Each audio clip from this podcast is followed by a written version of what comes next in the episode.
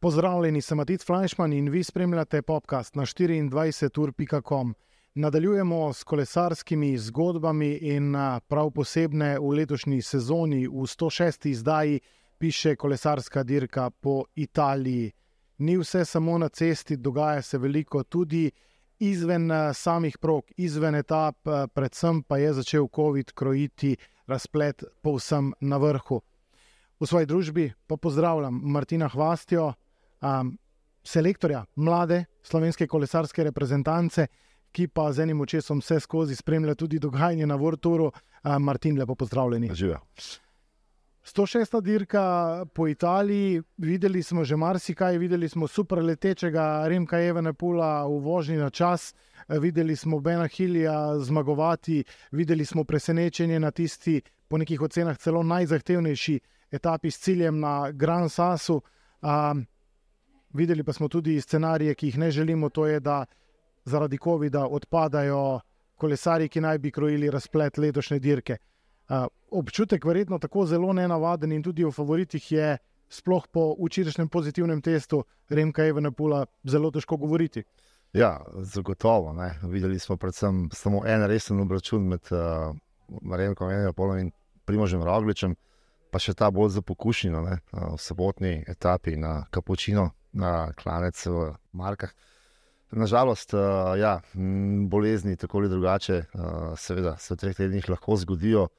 Um, je pa res, da uh, sem osebno kar malo skeptičen, dokler ne vidim resnega dokaza o tem, da uh, je šlo Remku kaj narobe uh, v zdravstvenem smislu. Se bolj nagibam k temu, da je bila njegova forma v globokem, globokem padanju. No, občutek je bil, neko, da se je preveč zagnal, eh, da se je skuril na tem uvodnem kronometru, čeprav se je zdelo, da je to skoraj nemogoče. Um, potem pa nekako vse skozi samo čakal, kaj bo konkurenca naredila, da bi ohranjal to prednost. Um, je to sploh možno, da se nekdo pripravlja na vrhunec sezone, preveri formo na spomeniku Liež, Baston Liež in potem dirka, ki je označena za njegov vrhunec, postane nek pekel že po devetih etapah. No, predvsem um, sem mnenja, da je Remko preveč dirkal letos. Torej, začel je že v Argentini, pa potem uh, Arabski Emirati, pa Katalonija, ker se je prvič udaril s Primožem.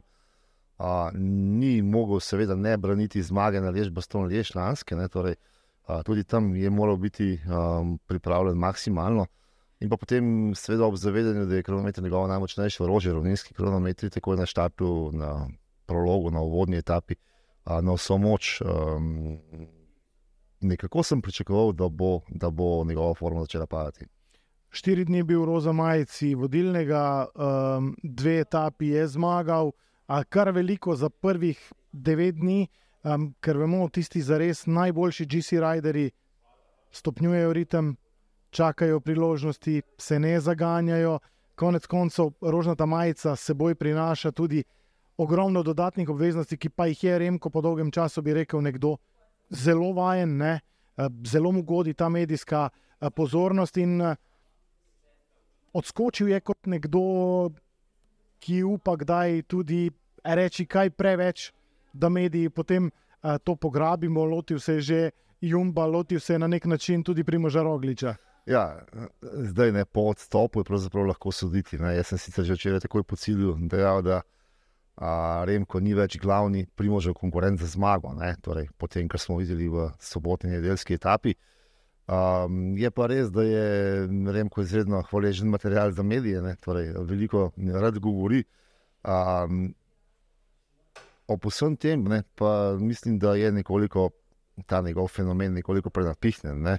Uh, Tadej Pogačar pri teh letih je že osvojil dva tura, uh, on jih še ni. In, in, in res se res, predvsem, jasno, belgijski mediji in vsi ostali, ki, uh, ki jim sledijo, oziroma jih podpirajo, um, na veliko govorijo o njegovem razkošnem talentu, ki ga nedvomno ima, ne samo, samo uh, realiziral ga še ni do te mere, da bi lahko govorili o tem, da je, uh, da je uh, resen pretendent, oziroma celo dejali so edini monarh na tem džiru, torej edini, ki lahko res računa na zmago, daleč od tega. Ne.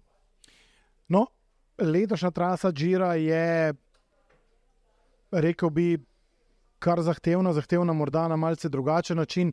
Vsi govorijo o višarjah, po drugi strani pa jih je veliko se spraševalo pred začetkom dirke, zakaj trikrat na kronometer. Če smo zavrteli malce zgodovino nazaj, eh, če smo prisluhnili kakšnim poznavalcem, eh, ki imajo z žirom bistveno več izkušenj kot mi, eh, iz same ceste ali pa iz obrobnega dogajanja, ne, vsi nekako zatrjujejo, da žiru se da marsikaj dogovoriti, tudi ustreznost trase. In če pogledamo traso, je ta bila zares kar v veliki meri narisana za Remka Evane Pula. Ja, skoraj zagotovo. Džiro bije ta večni boj s Turom, je vnaprej izgubljen, tu je pač največja dirka, ampak nekako mu diha za vrat v Elta? A, ki je drugačna dirka, predvsem tudi po profilih in po a, trasah, a, po dolžinah, lažja, krajša dirka. A, v zadnjih desetih letih večinoma narejena tako, da se zdaj odločajo na ciljnih usponih, ki je ponovadi samo en. Džiro je od nekdaj bil in še vedno je zelo, zelo resna dirka. Torej, tukaj se so trase, klanci zahtevni, dirka se tudi na spustih, uh, več zaporednih prelazov, vedno te najtežje etape na, na Džiru imajo vedno tri ali štiri prelaze, kar pomeni, da lahko seveda, zmaga samo zelo, zelo kompleten kolesar. Ne. Je pa res, da zaradi tega boja z Vuelto za drugo mesto med Grand Touri, jasno, da želijo vsi prijaviti čim večje imena. Vuelta je imela večje imena v zadnjih 3-4 letih na štartu. Ne. In ker organizatori Džira seveda želijo imeti zvedeče imena na startu, potem tudi traso večkrat vnaprej uh, naredijo za nekoga, ne? da je za koga. bomo videli. Ja, uh, zdaj veliko smo prostora namenili uh, Remku Evenepulu, ki ga od včeraj ni več zraven. Karte so premešane povsem na novo, uh, Geren Thomas, izkušeni valižan na vrhu, Primoš Roglič, dve sekundi zadaj, uh, Ah, ta Gegenhardt, nekdani uh, zmagovalec uh, Džira, mislim, da je bilo leta 2020, 2021, povsem zraven, um, Joao Almeida, uh, za katerega nekako vsi pri UAE upajo, da bo naredil ta želeni korak v pravo smer, uh, pa tudi nekih dobrih 20 sekund zadaj. Um, verjetno je po tem scenariju, ki se je zgodil zdaj, favoritov za končno zmago, veliko je še do konca še precej več. Ja, uh, zagotovo, dirka je bila že po cilju češnje, kromice kar naenkrat odprta. Ne? Torej, Renko ni bil več suveren, pričakoval je prednost treh minut po tem drugem kronometru, kar se seveda ni zgodilo. In a, dejansko je Ineos ekipa, ki je ta trenutek najmočnejša, ima dva resna kandidata tudi za zmago, ne? in vsi ostali, ki si jih omenil, ki sledijo, jasno, takoj v drugi vrsti. A, če se seveda nikomu, nekomu od teh. A, vodilnih nič ne zgodi, potem jasno, da bodo težko zmagali, ampak so zraven. Ne? V primeru, vemo, kolesarstvo se vedno zdaj lahko obrne čez noč ali pa čez dan. Ne? In a, so potem lahko hitro na vrsti, torej čakajo. A, je pa res, da na koncu bo vrčil močne možane. Dej, na srečo, primoš roglič ni v majici vodilnega, ne torej roza majici. Na srečo moram reči, potem, kar se je zgodilo včeraj, če bi oblekel včeraj majico z ekipo, ki jo ima ob sebi, glede, glede na vse, kar se je zgodilo pred startom dirke, a, seveda ne doraslo tej vlogi, a, bi bilo zelo, zelo težko. A, dirka je še dolga, še dva tedna, tri transferne etape, ki niso tako nedolžne, kot izgledajo, potem pa se začnejo. Pravzaprav izlet v Švico, kraj Montana, težka nedeljska etapa v Bergamu, pravzaprav na nek način skoraj klasika Lombardija v skrajšani verziji in pa potem tisti zadnji teden, o katerem vsi govorijo, ne, tri težke etape s povečjimi vzponi, treči med delo redo. Dan pred višarjami, ki naj bi dirko odločil, in višarje, upam, da bo samo pika na iskratka. Izjemno, izjemno težko, dobro je, da ima majico in jaz uh, upam, da bodo kontrolirali dirko. Lahko tudi napadajo, ker imajo pet kolesarjev med prvimi 15, z ostankom manj kot 3 minute, torej Vlasov, uh, Aresman, da plus vsi lahko, um, seveda, iz zadnje napadajo. In uh, dirka je še zelo težka. Uh, upam, da bo Primož dirko skrajno racionalno, uh, modro in taktično in izkoristil to moč ekipe in EOS-a. In hranil moči za ta ja. zadnji teden, verjetno. Um, je pa ena, rekel bi, kar zanimiva situacija pri Ineosu in to je, da sta Gegenhardt kot nekdo, ki je že zmagal Giro in um, Tomas, ki z izkušnjami in zmago na turom, ve kako dirkati na tri tedenskih dirkah zelo dobro, tako zelo skupaj. Komu zdaj v popolnosti prilagajati strategijo, komu nameniti koga od kolesarjev za pomoč v ključnih trenutkih, konec koncev, če pride do okvare, kdo bo komu zagotovil ja. rezervno kolo. Res je zelo, zelo težka odločitev. Uh, stari maček Lefebvre ima precej dela. Uh, oziroma, brez fotov sem hotel reči, čeprav nadaljavo, Februar je seveda od Remka. Uh, ampak uh, podobne situacije je brez fotov že reševal tudi uh, ustrezno. Uh, mislim, da je še vedno Tomas v prednosti, nekdani tudi zmagovalec Tura, pa lani tretji, ne pozabimo na rezervskih poljanah, ne, ob uh, Vingi Gorda in Pogačarju, z ne prav hudim zaostankom. Uh, čeprav se res zdi, da je Gegenhardt trenutno v nekoliko boljši formi, pa to so malenkosti, ne, malenkosti res minimalne. Uh, na vsak način bojo igrali na karto dveh kapetanov, še naprej, ne, kot da nimo lani Jumbo Visma na Turu, dokler se nekomu nekaj ne zgodi, verjetno bojo rekli, ne odloči cesta. In, uh, ravno zaradi tega je, je, je toliko bolj nepredvidljiv razplet ob treh, ki sem že dejal, ki, sem, ki, so, ki, ki so, kot sem že dejal, v ozadju uh, znotraj treh minut. In manjka Gana. Ja. Vsi ga še vedno imamo v glavi kot eh, nekega uh, nenadkreljivega kronometrista, ampak Filipo Gana se razvija v resnega kolesarja, ko govorimo o enodnevnih zahtevnih preizkušnjah, v nekoga, ki lahko mešaš trene najboljšim razen na ekstremnih klancih, ja. Eh, druge pa je lahko povsod zelo blizu. In uh, Milano Sanremo letos je dokazal, ja, je eh, potrdil besede. Gana je vrhunski kolesar, ne samo kronometrist, ne, torej tudi dolgi, ampak položni klanci mu ustrezajo. Je pa res, da na strmih klancih, ki pa jih na žiru bo še kar nekaj. Uh, seveda ne bi bil z najboljšimi, bi pa njegova pomoč prav prišla, seveda v uvodnih delih in na etapah, kjer teh ekstremnih usponov ni, tako da in ena se že tako in tako najmočnejša ekipa na Turu, a na Džiru res je z Gano, bi bili še bolj strašljivi. Je pa um, lepo, da je tu tudi um, slovenski delež ne, ja. prisoten uh, v ekipi Ineosa.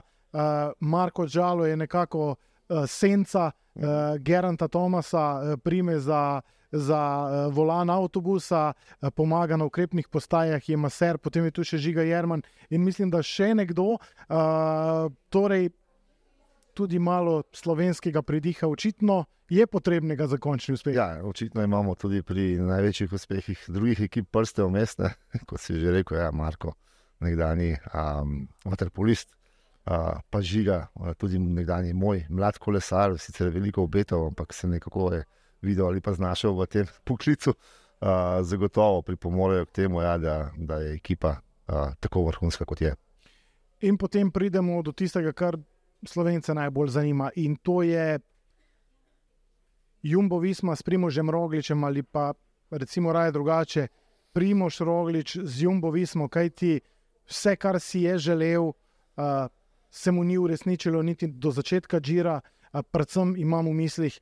Jana Tratnika, eh, vemo, da sta prijatelja izven kolesa, da je na tako dolgih dirkah, kot je tri tedenska, kot je Džiro.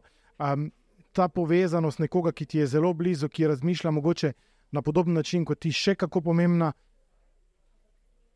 Njemu pa se je dogajalo, da, je, vem, da so dnevno odpadali še tik pred začetkom ljudi, uh, ki jih je verjetno sugeriral, da jih vidijo ob sebi, če želijo rožnato majico imeti na cilju v Rimu. Ne mislim samo na Tratnika, tudi na druge. COVID je bil, Vilko Kelderman se je zgodil, Tobias Foss, Josva Nemden kot menjava, pa potem sam omen za njegovo menjavo, ker se jim je naselil COVID. Kot da je ne vem, se nekaj spet zlilo nad to jumbo vismo, neki črni temni oblaki in, in da enostavno jim ni dovoljeno. Sem omen je še prejšnji petek eh, ob šestih popolne na Ošarlevalu jedel hodok na letališču. naslednji dan pa je bil kronometer, pa so potem zamenjali še gloga. Uh, torej, res uh, nič ni šlo po načrtih, ampak nič ni šlo, mislim, da primožil po uh, njegovi volji že v začetku sezone. On je bil strani ekipe nekako določen za Džiro, čeprav, vsaj kar sem jaz razumel z njegovih izjav pred uh, sezono, si je želel tura. Uh, tako da so ga na nek način, na rekovaj, seveda degradirali uh, v korist lanskega zmagovalca, jasno, Vinge Gorda. Uh, tako da se je sprijaznil s to vlogo, ne, je tudi sprejel za, za sveto in se resno lotil priprav na Džiro, potem pa a, vsa ta zmešnjava, ki si jo omenjal, ja, predvsem je Antratnik, a, njegov a, oporoda a, mu zagotovo precej manjka, čeprav se niti dobro še nista ujela. Tratnik je z njim že kar nekaj časa v dobrih odnosih, čeprav je še letos uh, uspel uh, se rešiti pogodbenih obveznosti in priti k njemu v ekipo. Ampak, veste, primož bi moral to storiti že pred nekaj leti, ne? torej oblikovati ta, to mikroklimo znotraj te sicer velike ali pa močne nizozemske ekipe. Bi lahko, kot so prej govorili o Vineosu, ne pridobil nek, nek, nek, nek, nekaj svojih uh, moških in zaupanja, ne samo kolesarjev, tudi morda kakšnega mehanika, pa maserja. Sej, maserja je imel ne, uh, pred leti, ampak nekako se nista, uh, nista več skupaj, letos na Džiru. Uh, tako da je, je seveda vse to vpliva na, na, na rezultat, ne glede na to, primo se zaenkrat za dobro drži. Uh, kot sem že dejal, ravno zaradi te podhranjenosti ekipe, ki jo ima ob sebi, mora delati toliko bolj racionalno. Um, zdaj, če se ozremo nazaj, ne se je. Rogliču ali pa Jumbo z Rogličem zalomilo na dirkah. Se pravi, vse, kar se je dogajalo, ko je bil Primož v nekem položaju, zgodil se je dan, ko je šlo vse narobe, ali je šlo bodi si za padec, ali enostavno ni bilo počutje pravo, ali kaj tretjega, ne bomo nikoli izvedeli povsem natančno. Zdaj se je zgodila situacija, da se je ogromno zgodilo 5 pred 12, torej če, če še prištejemo uh, Tratnikovo nesrečo. Uh, in zdaj, ko da imajo nek prepotreben mir, ja. ko da točno vedo, kaj morajo. Če poslušaš napovedi in analize, kot je bila zadnja za Nakapučino, na zadnjem klancu se bo dogajalo, kjerkoli smo spremljali novice, na zadnjem klancu, na zadnjem klancu. Torej, vsi so vedeli, ne? ampak Primož je dokazal, ne? da zna besede prenesti v realnost in ja. tam v navednicah odlomil tisto, kar je bilo treba. Ja, res eh, dobro razumeš eh, ekipno dinamiko. Eh, dejansko se zdi, kot da se zadeve obračajo v pravo smer, ne glede na vse težave. Ne? In primoš mora seveda ta val ne, nekih pozitivnih vibracij izkoristiti. In jaz upam, da zadevo tudi dokonča, kot, kot si vsi želimo. Uh, tako da, ja, racionalno, pametno, ne, prehit, ne prehiteva dogodkov. Posebno sedaj, ko zastaja samo dve sekundi za Tomasom, torej za, za Roza Majico, vse je, je v bistvu še mm, dosegljivo in, in, in pametno mora zadeve pripeljati do, do kot sem že rekel. Pred zadnje, pred, pred zadnje etape, in potem jasno na višarjih pritisniti piko na i. Um, spomnim se, ko sta bila moja gosta tu, uh, Marko Džalo in Luka Mezgec, ne, uh, dejala sta, uh, strinjala sta se s tezo. Morda še sploh najboljšega od slovenskega kolesarstva nismo videli, kaj ti leto se odpira, morda možnost, da bi Slovenci dobili vse tri tedenske dirke. Uh, res, da je gledati tako daleč naprej, nehvaležno, ampak zdi se, sploh kakor se je Džiro začel, Verjamem, da se bo še uspešneje za Rogliča, ki je edini slovenec tam nadaljeval, ampak zdi se, da bi se lahko začeli mejniki piska, pisati bolj zgodaj, da ne bo potrebno čakati na tur, če se bo tam zgodilo, glede na vso dinamiko okrog Rogliča, ki bi rekel, da še ima eno srečo in to je verjetno sreča, ki se ravno skriva v oblačenju rožnate majice in to je, da ni nekega silnega medijskega pritiska na njega. Uh, ni v spredju, ni tisti, ki je v soju žarometov, ker je na enem turu, ko oblečeš rumeno majico, si v navednicah pečenka. Ja, ja. Ti že pred štartom imaš 15 minut ali pa pač kako hitro te ta mhm. PR odprpele do mikscone obveznosti. Vemo, največje TV hiše na začetku in potem dobijo preostali še drobtinice, in potem takoj po dirki, če si še vedno v rumenem,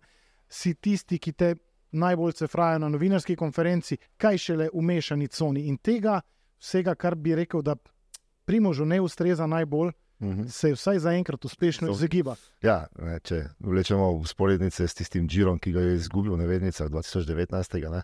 No, mimo grede, tisto leto bi moral zmagati, tu bomo pustili to, to je druga zgodba.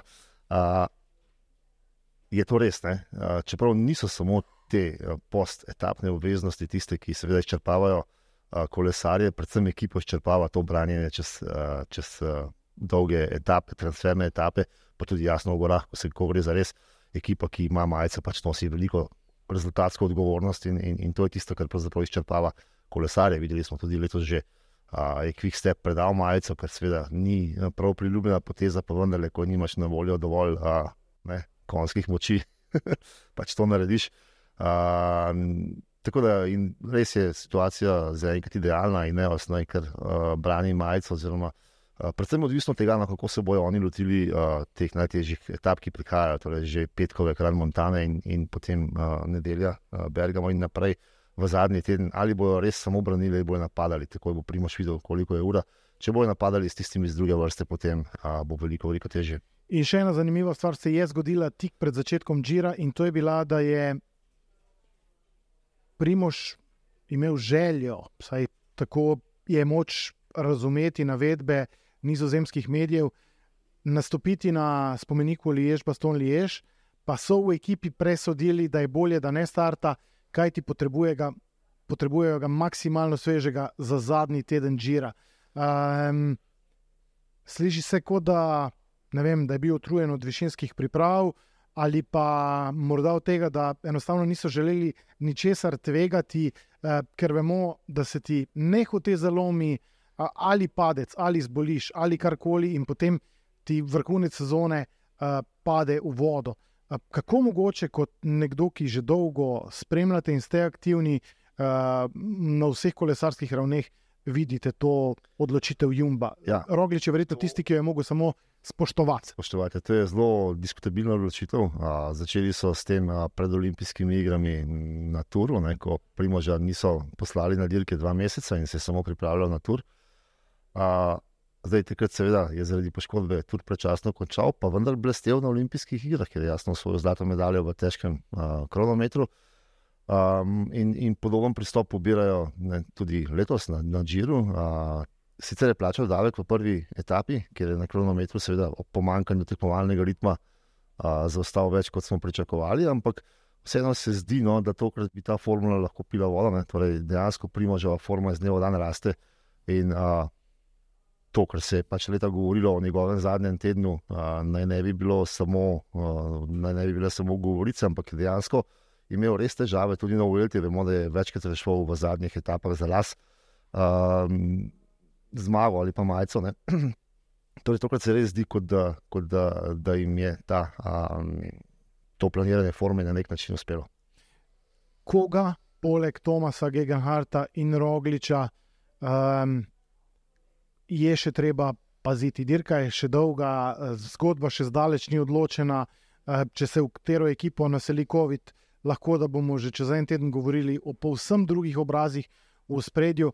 Ampak eh, videli smo, recimo, Norvežane, Lekne Sunda. Ja. A, ne bom rekel, da je prijetno presenečenje, je pa zagotovo en um, od tistih dokazov, da na velikih dirkah odskočijo tudi kolesari, ki jih nihče ni uvrščal posem v prvi plan. Verjamem, da ima Bora tudi kolesarje, ki bi še lahko um, konec koncev tudi Bahrajn je s tisto zmago Jonathana Milana zadihal. Ja. Lahko razmišlja čisto drugače. Spomnim se enega videa na, na spletu, v katerem športni direktor Gora Štanga reče: No, zdaj pa lahko začnemo uživati. Ne? Torej, padlo jim je, ja, breme jim je padlo iz ramen. V takih situacijah se potem lahko zgodi še marsikaj. Ja, kolesarstvo je tako in tako šport z mnogimi spremenljivkami to menda že vemo, ne pa vsem tem, ko sledimo malo bliže ta šport. Uh, dejansko je uh, res poleg Ineosa, jaz mislim, da je največji konkurent ta trenutek Karuzo, ki je na Džiru že bil drugi, izjemno, izjemno zanesljiv kolesar, čeprav tudi on že nekoliko letih, uh, ampak izjemno, izjemno izkušen. Uh, in pa Almeida. Almeida je izjemno, izjemno konstanten, to je dokazal že večkrat na dolgih etapnih dirkah, ne njihov formi, vedno je tam je pa res, da mu vedno nekaj malega tudi zmanjka. Torej, če se komorkoli karkoli zgodi, bo on tam zraven zagotovo uh, zelo zanesljiv. Potem je še Vlasov ne? in pa Bora, ki seveda ne smemo zanemariti. Lani so dobili Džiro z Džejem Hindlijem, Um, letos ga ni, je pa tu Vlasov, uh, ki je tudi vedno dober, ampak je vedno peti. Tako da uh, težko kdorkoli od teh zmaga, če uh, seveda bo Primoš, uh, Tomas in pa Gegenhardt uh, zvozili brez težav. Uh, mogoče še ena stvar, um, kateri vse zaenkrat se še ne daje toliko poudarka, dirka se je praktično šele dobro začela. Um, tehnologija, aerodinamika, uh, koliko recimo, tako po nekih prvih strokovnih ocenah, ima nekdo boljšo opremo od drugega. Če pogledaš ja. čelado, ki jo je za kronometer eh, imel na voljo, Quick Step, uh, Soudal, si rečeš, kaj je to zdaj, vesoljske ladje gredo proti cilju, mislim, tolikšna aerodinamika na glavi. Ja, tehnologijo poskuša mednarodna kolesarska zveza omejevati. Ne? Še vedno velja preambula, men over machine, torej človek pred strojem. Ne? In a, dejansko se s temi predpisi, zdaj ponovno so predpisane tudi širjenje kronometrskih čelad, ampak znotraj teh omejitev, seveda, so vedno možne izboljšave. Uh, tako da, ja, zagotovo vpliva, uh, hitreje kot se gre, bolj se te aerodinamične uh, triki poznajo. Ne, torej na kilometrih preko 50 km/h, zagotovo so prisotni in na višarjih mu ta čela seveda ne bi pomagala. Ampak, uh, ja, uh, ogromno se dela na tem, jasno, najbogatejše ekipe imajo največje možnosti, naj, najmočnejši proizvajalci koles, ki stojijo v zadju, uh, seveda zadeve uh, forsirajo. Je pa res, da ni nekih resnih primerjalnih analiz a, med najboljšimi kolesi, trenutno, ki so v uporabi v ekipah Protura. Pripričan sem, da, da je razlika malenkostna. Torej, verjetno obstaja, ni pa tako velika, da bi odločila dirke. A, predvsem pri najboljših ne, zdaj stežo so tako, tako vsi omejeni na minimum, govorimo jasno tudi o cestnih dirkah, ne samo v kronometru. A, Res pa je, da je ta napredek uh, v zadnjih 20 eh, letih enormen. Ne, enormen. Um, objavljen bo v kratkem uh, test, ki ga je delala znana kolesarska uh, oziroma svetovna športna televizija, uh, ravno v Sloveniji, um, ob pomoči tudi ekipe Bahrajn Victorius, so primerjali kolesa uh, Klaudija Kepučija, ki je zmagal Džiro pred uh, 30 leti, uh, Damjana Kunega, ki je zmagal pred 20 leti, 10 let starega um, kolesa z navadnimi klasičnimi rim zavorami in pa, in pa najnovejši, najnovejši kolo uh, Bahrajna Vitoriusa uh, Merida. In razlike, ki bodo objavljene v kratkem, so res, so res fascinantne. Jasno, v primerjavi tudi, oziroma v povezavi tudi z opremo, torej z dresi, čeladami in vsem ostalim. Uh, napredek je očiten. Um, ko govorimo o pripravi neke strategije. Vemo razlike v proračunih med tistimi zares najbogatejšimi in temi v sredini, so vem, 15 do 20 milijonov evrov, približno. Um, ali razmišljajo ekipe, sploh po tem, kar začutite, ko hodite na dirke z reprezentanco, v smeri, da se več vlaga v zadnjem obdobju v razvoj, kot pa v sam nakup uh, največjih zvezdnikov, glede na to, da saj zaenkrat še ni nekega selerja, kepa, ki bi lahko te stvari omejeval, enostavno um, imaš, kar imaš, imaš najboljše trenerje, verjetno v danem trenutku, najboljše nutricioniste, skušaš imeti najbolje razvito opremo, ampak tudi to stane ogromno. In če ti imaš vrhunskega kolesarja, morda ne potrebuješ vsega tega, saj ne v tolikšnem razponu, ali pa potrebuješ še več. No, glavni problem je v tem, da so vrhunski kolesarji omejeni. vrhunskih potencijalno zmagovalcev Grand Tourov je lahko prešteješ na prste na roke. In, in, in, in jasno je, da, da ni prostora za, za, za nakupe tudi najbogatejših, ne, Saj, če je nekdo, ki je za spogodbo na daljši rok. A, torej, jasno se potem poskuša iskati vse ostale področje, kjer se lahko napreduje, predvsem a, tehnologija in jasno tudi nutricionistika in vse, kar spada zraven. Ampak a, omejitve niso zgolj finančne, ne, so tudi kadrovske, to je jasno. Čeprav jasno tudi vemo, koliko stane ura dela v vetrovniku. Če želiš narediti minimalno spremembo, jih potrebuješ 30-40 ur dela v vetrovniku za eno osebo, uh, kar seveda ni poceni. Predvsem ne, se ta, se ta um, razkorak ali pa ta razlika vidi tudi pri, uh, na kontinentalnem nivoju, torej na, na nivoju, kjer delajo slovenske ekipe. Ne, Uh, tudi tu uh, se pojavljajo te development ekipe, podmladek, Wolf Tour ekip, ki imajo uh, nekajkrat ali pa desetkrat večji proračun od, od, od slovenskih kontinentalnih ekip in si lahko privoščijo tudi po zaslugi tega, ker prevzemajo tehnologijo od, od večjih ekip. Uh, jasno, boljše pogoje, večji napredek tudi v tehnološkem smislu. Um, in, in, in s tem povezan tudi jasno večji pritok uh, kolesarjev z rezultati, ker se še ni rečeno, da je to na, na podlagi talenta, ampak na podlagi kvalitetnega dela. Tako da razlike, nažalost, zaradi, zaradi denarja nastajajo. In če se vrnemo na 106. Giro za konec, uh, devet etap je za najboljšimi. Uh, moje vprašanje na tem mestu pa je, kdo bo na vrhu, ali pa raje recimo tako, ali bodo ista imena v spredju, kot jih gledamo sedaj, tudi ob drugem dnevu počitka.